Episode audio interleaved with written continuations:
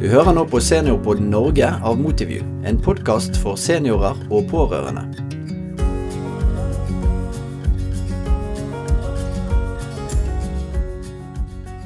Over Andesfjellene på motorsykkel med sidevogn, fallskjermhopping i Australia og latteryoga i India. De utrolige reisene til eventyrer, foredragsholder og TV-personlighet Samuel Messi og bestefaren Arne Ullvolden ble heldigvis til en TV-serie. Holdningene til eldre og det å bli gammel ble på mange måter snudd på hodet gjennom inntrykkene i serien. Det er fullt mulig å oppleve en ny vår i livets høst. Men hva skal til for å kunne ta del i livet igjen, og hvordan kan vi tilrettelegge? Ja, Samuel, eh, kan ikke du begynne å fortelle litt om ditt forhold til bestefar i oppveksten? Ja, altså nå, nå sa jo du et navn her. Du sa at bestefar hadde et annet navn enn bestefar. Jeg reagerte litt på det. Det er jo eh, Hva var det du kalte han? Arne?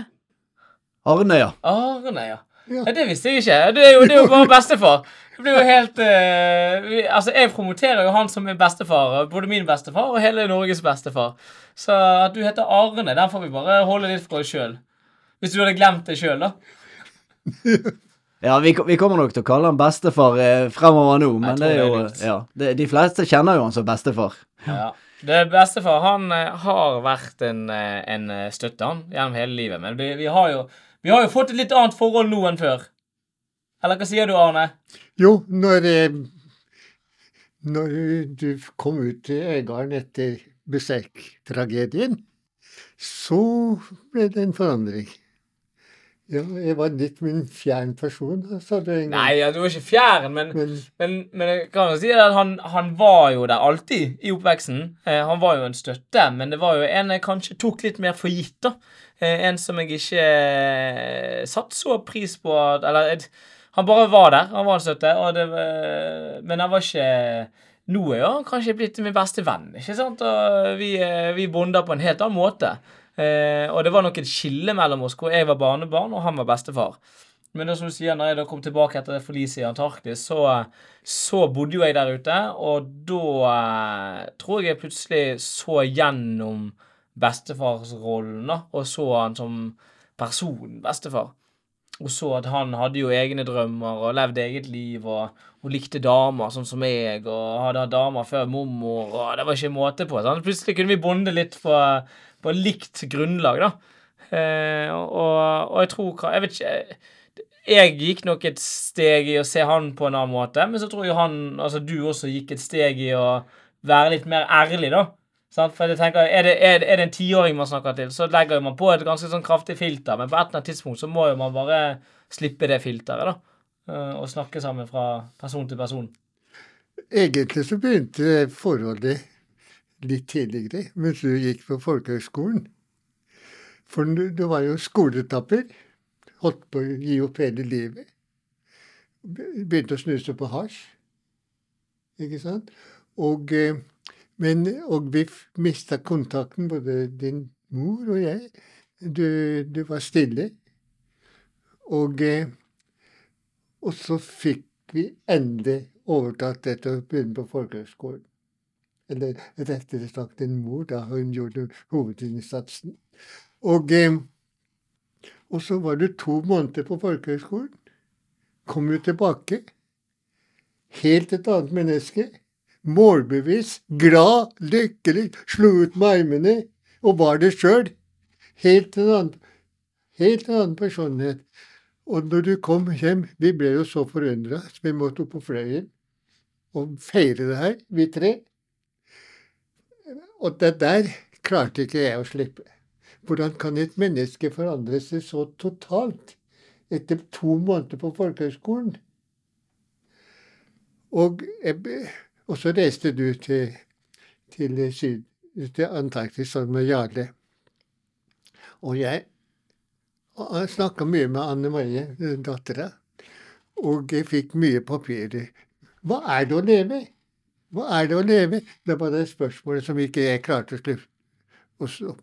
Og jeg skrev en masse artikler om det her. Jeg studerte det her, alt det som Anne Marie kunne eh, sørge for, og funderte. Og skrev bl.a. om taperne i skolen, for jeg har vært lærer.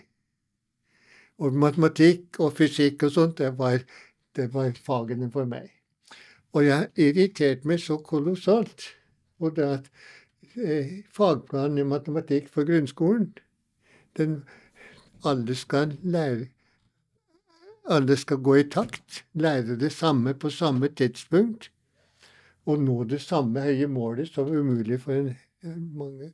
Og så skaper det tapere. Og, da, og det der grep jeg fatt i. Det der skal jeg ikke gi meg ikke på.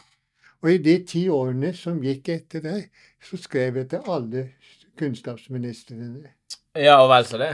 Mm. Og ikke bare om det der, men også om det, å leve kunst, som han eh, formulerte så veldig fint kunsten å lære å leve. For lære poengterte du når, når, vi begynte å snakke om det når vi kom tilbake fra besøk. Én ting er sikkert å leve, det må læres.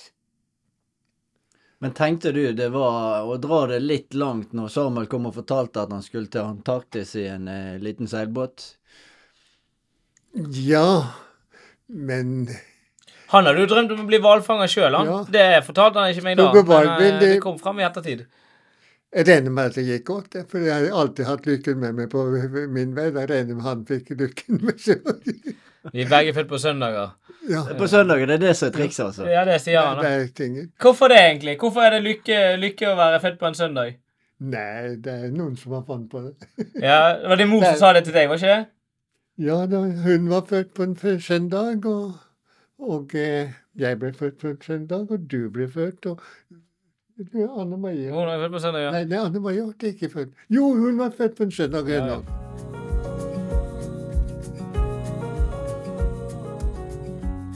Du, Samuel, etter eh, Berserk, eh, så ble jo du kjent for det norske folk og var med i diverse ting. Og var deltaker i Skal vi danse, og så var du programleder i Skal vi danse. Men det året der så fikk du jo beskjed om at bestefar hadde fått kreft. Ja.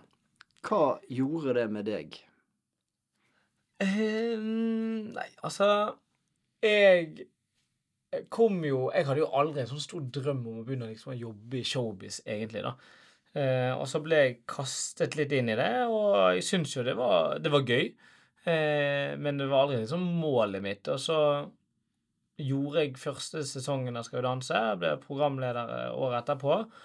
Og da tror jeg jeg også, i den, mens jeg var programleder, så jobbet jeg også frivillig på en sånn uh, lindrende enhet du, altså for, for, døende mennesker. Og kjente et sånn behov for å, for å um, kjenne litt på noe ektehet da, i livet, kan man si. og ikke bare glitter og glamour. Uh, og så midt under Skal vi danse, så får jo da eh, bestefar kreft i venstre nyre. Eller høyre? Venstre. I venstre eh, og alt stopper jo litt opp, da. Eh, og når man er midt i en eh, TV-sesong, så kan ikke man stoppe. Da, man må bare rulle videre. Men da er jo man på lørdager og smiler, og så på onsdager så er man jo ute på hytten og, og, og, sjekker hvordan det egentlig går med han. Og vi, og vi eh, tok jo det begge to som en kraftig sjokk, da. Eh, så, så, da stoppet jo ting litt opp. Og så er jo det Jeg har jo alltid hatt Altså hele mitt voksne liv så har jeg hatt et ganske sånn tett forhold med døden. Eh, altså etter berserk så, så ble jeg på en måte eh, kastet inn i en slags Gikk fra å være veldig udødelig til å bli veldig dødelig. Eh, og, og det har jo også gitt meg mye livsgnist og kanskje mening, eh, og ha et tett forhold til døden. Eh, og når du da fikk kreft, så stoppet vi jo litt Vi stoppet opp. Det var sjokk. Og så kjente jeg på at dette må vi gjøre et eller annet med. For eh, det skal også sies at bakgrunnshistorien der er jo at vi i den perioden hadde jo snakket mye sammen. Vi hadde fått et enda tettere bånd. Og bestefar la vekk dette filteret sitt og begynte plutselig å snakke ærlig til meg. sant? Om at wow, han var forelsket i en dame oppe i høyet her. Og han, han uh, hadde drømt om å reise til Chile siden, siden Framhaldsskolen. Framhaldsskolen er barneskolen eller noe sånt. Ikke sant? Og eh, drømt om å bli hvalfanger. Drømt om det ene og det andre. Drømt, og, drømt om massevis av ting som jeg allerede gjort. Og jeg kommer jo på en måte fra eh, en side hvor jeg hadde gitt meg ut på drømmeekspedisjonen. mm, og den hadde endt katastrofalt. Eh, men, men jeg hadde på en måte i hvert fall, hvert fall bitt meg ut på det, og det var en annen sånn sårhet ved det når du, du har satt der som 80-åring med kreft. Eh, og det var jo da vi begynte å snakke om, og jeg kanskje tok litt ledelsen i at bestefar, dette må vi gjøre noe med. Ikke sant? Men hvor, der- fra, fra der til å foreslå en jorden rundt eh, Ja, jeg kunne jo foreslått en pils på sjøboden borti, borti høyet her, eh, men eh, jeg valgte å gå litt mer ekstremt eh, til verks, da.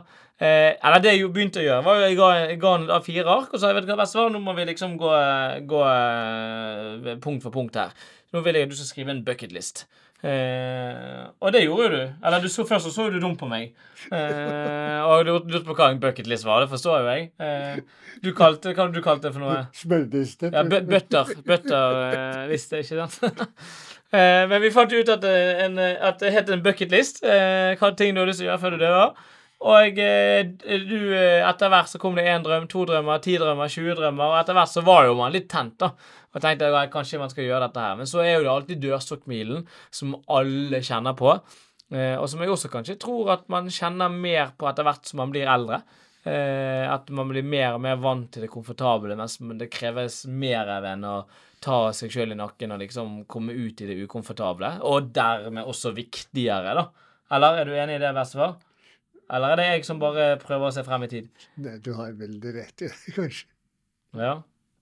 Nei, det ja. Men du, bestefar, du var, du var en del i denne planleggingen her når dere satte opp denne bucketlisten. Men hadde du da tro på at dette her skulle gjennomføres, eller var det litt mer bare gleden var å sette opp Det var jo spennende, vet du, å komme ut. Jeg reiste jorden rundt. Reiste alene en gang da jeg var, ble uføretrygdet. Og eh, det var en fantastisk Det var en livsreise, vet du. Og, eh, og eh, det var jo fremdeles noen steder som ikke jeg var. Den listen din var ganske lang over ting du ønsket å gjøre. Og eh, så jo, gnisten var der. Ok. ok. Måtte man OK. Det, det, det, Trengte bare spark i bakken. Ja, for Det var ikke noen betenkeligheter med at du var nå 80-80-årene og skulle ut på en reise igjen og hadde kreft? Det Du var vel an- anklagene med kreften. Det var litt spennende det med, med kreften. Men så tenkte jeg at han tar, ordner opp. Ja. Han ordner, ordner opp hvis det blir problemer. ja. Han hadde en sånn naivitet om at eh, Samuel det kan gjøre på, så dette går bra. Eh, og jeg eh, latet jo som jeg visste hva jeg gjorde på, jeg. Så det var greit, det. Men det var jo Det var jo Hvis jeg husker rett, så var det, det var jo ikke sånn at vi skrev listen, og så reiste vi med en gang. Det var jo først noen unnskyldninger, da. Sant? Om at nei, nå må vi ha en ryggoperasjon først, og nei, vi må ha en øyeoperasjon, eller hva den skal være, og så Det var med potetene. Potetene. Det var alltid en unnskyldning, ikke sant? Potetene skulle opp, Ja. Det er ned. og, og det var ned de skulle. Ja. Akkurat. Og så skulle de opp etterpå. Ja, så skulle de opp etterpå. Akkurat. Ja. Men, eh, men på et eller annet tidspunkt så kom du bort og sa Vet du hva, Samuel, sa du til meg? Dette gjør vi. Eh, og da tenkte jeg OK, nå må vi smi mens jernet er varmt. Så da gikk jeg rett inn på rommet, bestilte da to flybilletter til Buenos Aires, avreise om da tre dager. Eh, og tenkte nå, nå bare gønner vi på. Eh, og derifra så skjedde ting, da.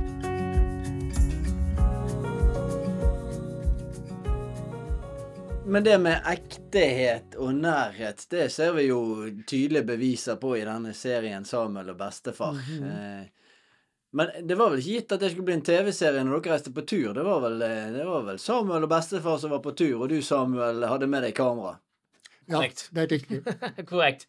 Eh, altså, jeg, jeg tenkte jo at eh, Jeg hadde jo nevnt det for TV 2, men de var ikke sånn kjempegiret. Nevnte det til, eh, til noen andre også, men eh, det var liksom ikke noe sånn greie. Men, men jeg tenkte i hvert fall uansett, om jeg eh, reiser på tur nå og filmer det bare for min egen del, og får en fantastisk eh, liksom eh, minnedagbok fra, fra min bestefar, så tenker jeg at det er, det er verdt det. Eh, så da eh, brettet vi ut eh, hver vår lommebok og tenkte hvor langt kommer vi for disse pengene her? Og så reiste vi, reiste vi rundt, da. Og jeg filmet på Fikk litt hjelp av noen kamerater å filme hjemme, og etter hvert så var det Ja, fikk litt hjelp av folk på veien, og det var Ja. Så vi fikk jo filmet underveis, da. Eh, men det ble jo eh, Etter hvert så skjønte jo Etter hvert som vi klippet det sammen, så skjønte jo også TV-kanalen at det var noe som var verdt å formidle videre. da. Så da ble det Samuel og bestefar på TV 2.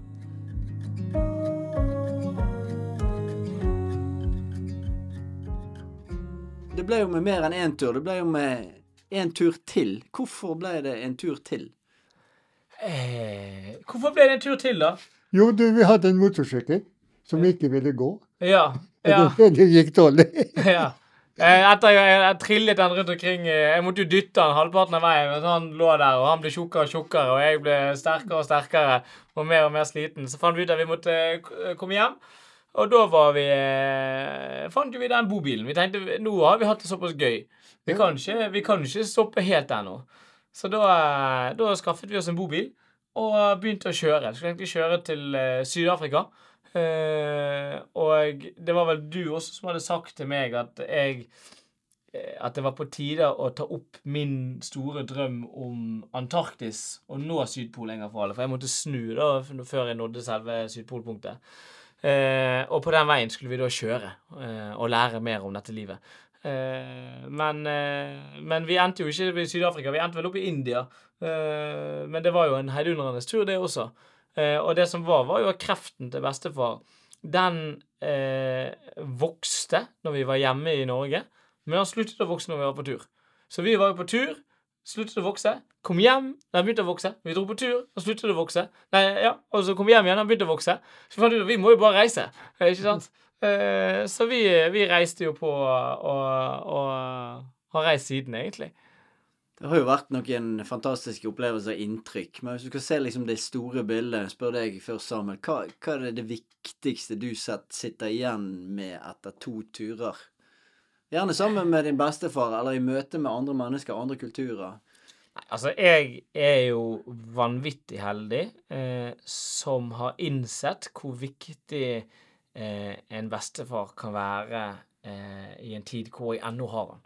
Eh, og, og det er jo jeg eh, evig takknemlig for. Og alle de mine som vi har hatt, de, for hvert år som går, så blir jo de på en måte Det er renters renter. De bare blir viktigere og viktigere og viktigere. Og jeg tror jo når jeg sjøl blir 80, så kommer jeg til å sitte i godstolen til bestefar, eh, når du da er langt oppe i tredje himmel, eh, og drikke teen og, og holde på å le meg i hjel av alle disse, alle disse turene våre, ikke sant? Hvem er det som liksom har sittet på Jeg husker det var, var Tequila-smaking på eh, flyplassen i Mexico, ikke sant? Og vi står i, i pissoaren og synger 'Blåmann, blåmann, bukken min', dritings, ikke sant? Eh, så, altså, jeg har så mange sånne småminner fra, fra turen som bare liksom eh, jeg, jeg bare smiler og, og, og ler meg i hele av det. Og alle de samtalene som har da påvirket meg til, til å se på livet annerledes, verden annerledes, og som som gjør at jeg tar kanskje litt andre valg enn hva jeg Jeg er blitt en smartere person da, ved hjelp av han. Eh, Så, så istedenfor liksom ta frem én eller to enkelthendelser, så vil det jo si at kanskje helheten av den tiden vi har tilbrakt sammen, i den ærlige eh, konstellasjonen vi på en måte har puttet i ute i verden, hvor det er bare meg og han eh, midt i ødemarken, eller hvor den skal være, eh, det har nok gitt grobunn for veldig mange nære og gode samtaler eh, som vi kanskje ellers ikke hadde fått, eh, eller tort å ta. Du kaller han jo din beste venn. Det Ja høres jo litt eh, rart ut med den aldersforskjellen som er. Men, Ja da. men det er det blitt din beste venn. Ja da. Ja, kom an, i, dag var, I dag var du litt eh, I dag var du kanskje ikke min beste venn i dag morges, men Hvorfor det? Nei, var ikke, du, var ikke det i dag du var litt grinete? Nei, jeg er ikke vært grinete. Nei. Nei, men da var det da var, så, Men i hvert fall nå er vi bestevenner igjen. Og det går litt sånn fra og til, da, i forhold til timen, eh, timen eh, på klokken. Så vi er bestevenner når vi går ut herfra, vel. Ja, men det, det var endringen som foregikk i hodet, også de samtalene. Kanskje gikk det begge veier, jeg vet ikke. Men i hvert fall vi snakka om tingene, og da møtte vi når vi jeg reiste jorden rundt-reisen. Ja, så kanskje kunne jeg lært mye mer av den turen. Jeg vet ikke. Men eh, for da, da, da eh, tenkte jeg på hva naboen ville si, om en kan si det sånn. Men nå, når vi reiste, så møtte han det her med, med Altså, vi drar med oss så mange fordommer. Og nå kutter en helt ut de fordommene. Og, og så eh, er det noe som heter respekt. Og respekt, det betyr egentlig se en gang til. Direkte oversatt fra italiensk. Og det tok vi med oss. Altså, vi så For det er altfor ofte så skjer det en ting, reflekterer ikke over. Kanskje fordommer og allting som ødelegger. Men hvis vi ser en gang til, så kan vi fange inn verdier som vi ikke har tenkt på, og, og som vi kan lære av. Og det er en av de tingene som jeg syns har vært veldig verdifullt. Hvis jeg bare kan sky skyte inn, da, så som vi har snakket om også, så handler det om ja, ting å se på ting rundt oss, men kanskje se på seg sjøl eh, og egne relasjoner, egen livssituasjon en gang til. For jeg tror nok det er veldig mange som lever et liv som gror litt fast, og så, og så havner man i, i en sinnstilstand, f.eks., som kanskje ikke er ideell. da. Eh, og, og, innimellom så er jo liksom hvordan man ser ting og ser livet, en ganske viktig greie i forhold til å skape en positiv hverdag. Eh, og jeg vil jo si at bestefar er jo en av mine sånne store helter nettopp på grunn av at han i mitt syn var jo grodd ganske fast. Eh, men som da greide å røske tak i røttene i en alder av over 80 år, og liksom eh, bare reise uten noe fallnett i det hele tatt. Og, og bare liksom uh, hive seg ut på livet på en, på en ny vår, da, som du sa innledningsvis. Uh, og det er jo, uh, er jo vanvittig viktig, tror jeg, å, å, ta med seg for andre også, kanskje. At det at det å, det å, å tørre å ruske tak i disse røttene, da. Tørre å faktisk si at ah, kanskje den situasjonen jeg lever i nå, kunne vært bedre hvis jeg hadde tatt et oppgjør med det og det og det og det. Og etter hvert som jeg snakket med bestefar, så har jeg at ok, gjennom livet så er det noen faser hvor man rett og slett må, må, må reidentifisere seg sjøl. Ungdomstiden er jo en sånn fellesevne for svært mange. Pensjon, når man da går over til pensjonisttilværelsen også, er jo en, en sånn periode. Og, så, og, og det, det når bestefar valgte å gjøre det i en alder av 80 år, det har jo vært eh, en inspirasjon å se på, og kjempelærdom å se på fra, fra sidelinjen. Når du snakker om kunsten å leve, er det litt det du snakker om nå? Mm. Det er det som jeg det som har noe skyld i, at jeg skal få et nytt liv.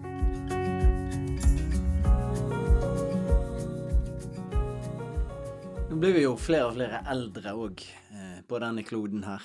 Eh, ensomhet er eh, òg noe som er blir mer og mer fokus på. Eh, du har jo engasjert deg veldig i bestefar og bestefar i deg, men engasjerer vi og andre oss nok i de eldre? Eh, hva er nok, ikke sant? Jeg, vi snakket jo litt på vei opp her om, om eh, hvordan det er å bli gammel i dag, og om, om vi bryr oss nok. Eh, og det er jo jeg, Når vi har vært ute og reist, så har vi på en måte i Norge så tenker jeg at vi har en litt sånn mindset hvor staten er det, de som skal ta hovedansvaret for eldreomsorgen, mens, mens de pårørende er en ekstra bonus, da.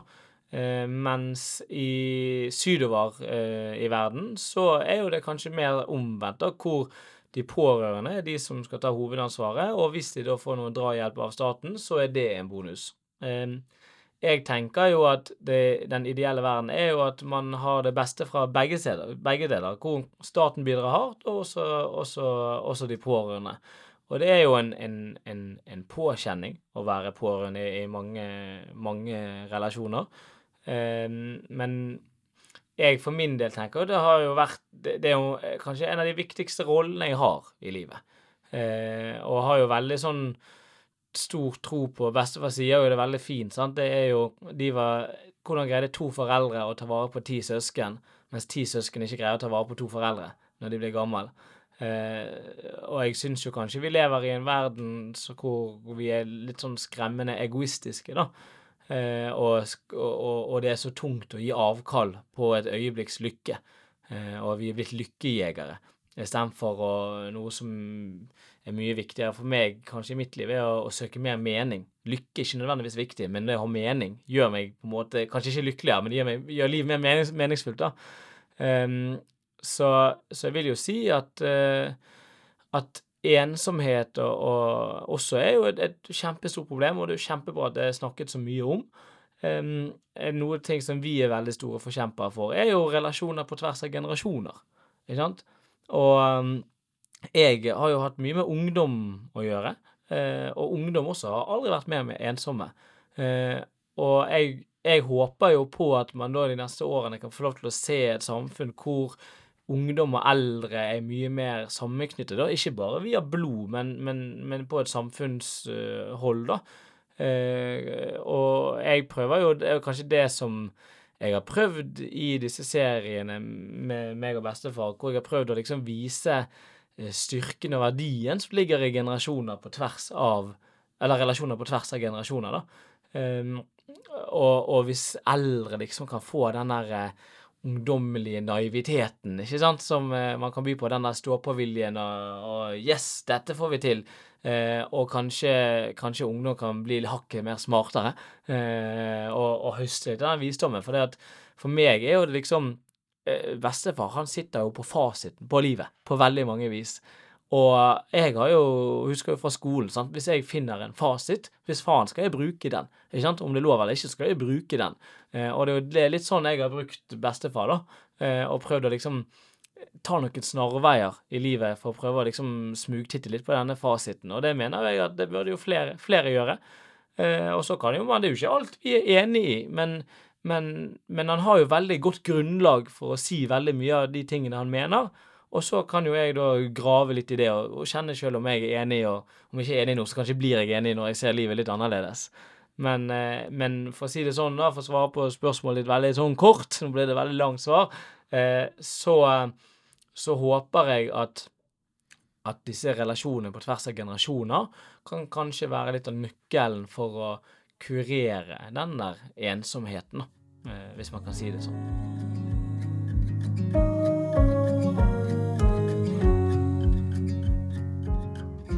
Hva kan vi gjøre? Vi kan jo ikke reise jorden rundt, eh, alle vi, sånn som dere har gjort og hatt fantastiske opplevelser. Men hvordan kan vi gi eh, de eldre opplevelser, og hva får vi igjen? Hvordan vi kan gi de eldre opplevelser? Mm. Har du noen tips til hva vi kan eh, Holder det med en kopp kaffe på en kafé og en prat, eller Jeg Nå har bestefar et klart svar her, for ta han først, da. Jeg tenker på Ja. Nå Altså, vi begynte i dag. Det første sa det var å bli eldre, det er bare kjekt. Det gjør ingenting. En får frihet, og en får alt mulig. Men å bli gammel, det er verre. Altså, jeg kan tidfeste det å bli gammel til for et halvt år siden.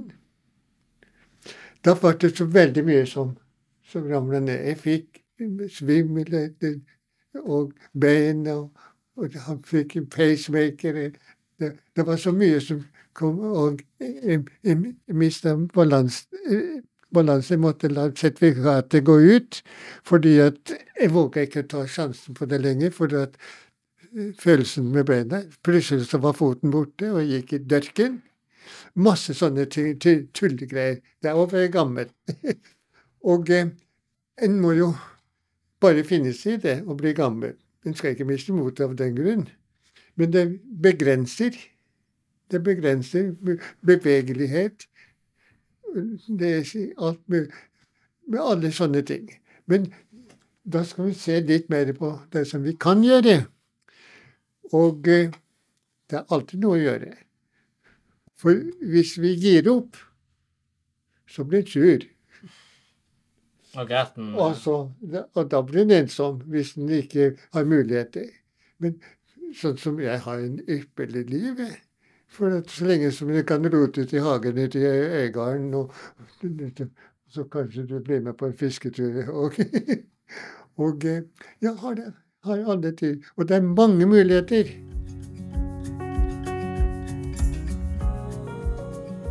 tenkte vi for å gå mot avrunding her, men tenkte jeg skulle stille begge et siste spørsmål. Jeg kan begynne med deg, Samuel. Hva er kunsten å leve? Oh. Ja, Det er jo det vi har prøvd å finne ut av nå i ganske mange år, da. Eh, og jeg tror ikke vi har greid å liksom finne én en enkelt setning som beskriver det, da. Men, eh, men, kunsten å leve Vi skal prøve her og nå. Eh, så vil jeg si at kunsten å leve Ja, skal du gå først? Nei, vent, tenker jo lære. Det skal læres. Ja. Å lære livet? Lære, livet, ja, lære, lære. For det var det du sa til meg. Ja. Så det må du ikke glemme å si.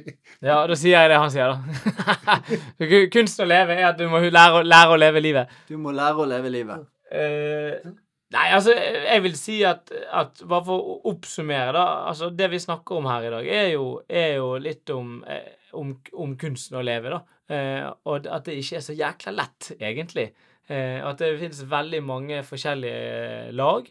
Men at det handler at må, om at man må tørre å si ja takk til livet. Tørre å utfordre seg sjøl, uavhengig om man er ung eller gammel. Tørre å ta noen sånne avsjekker med livet. Lever jeg det livet jeg vil akkurat nå, som, eller, eller, eller, bør jeg gjøre noen justeringer?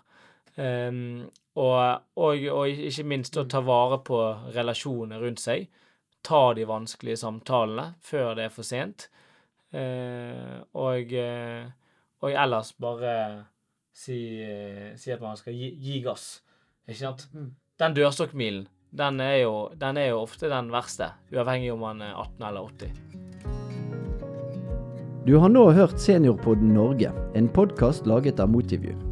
I podkasten utforsker vi viktige temaer for seniorer og pårørende i samtaler med mennesker med ulike bakgrunner, erfaringer og fagfelt. I denne podkasten får du verdifull informasjon og kunnskap om helse, aldersrelaterte utfordringer og mye annet som angår seniorers livssituasjon.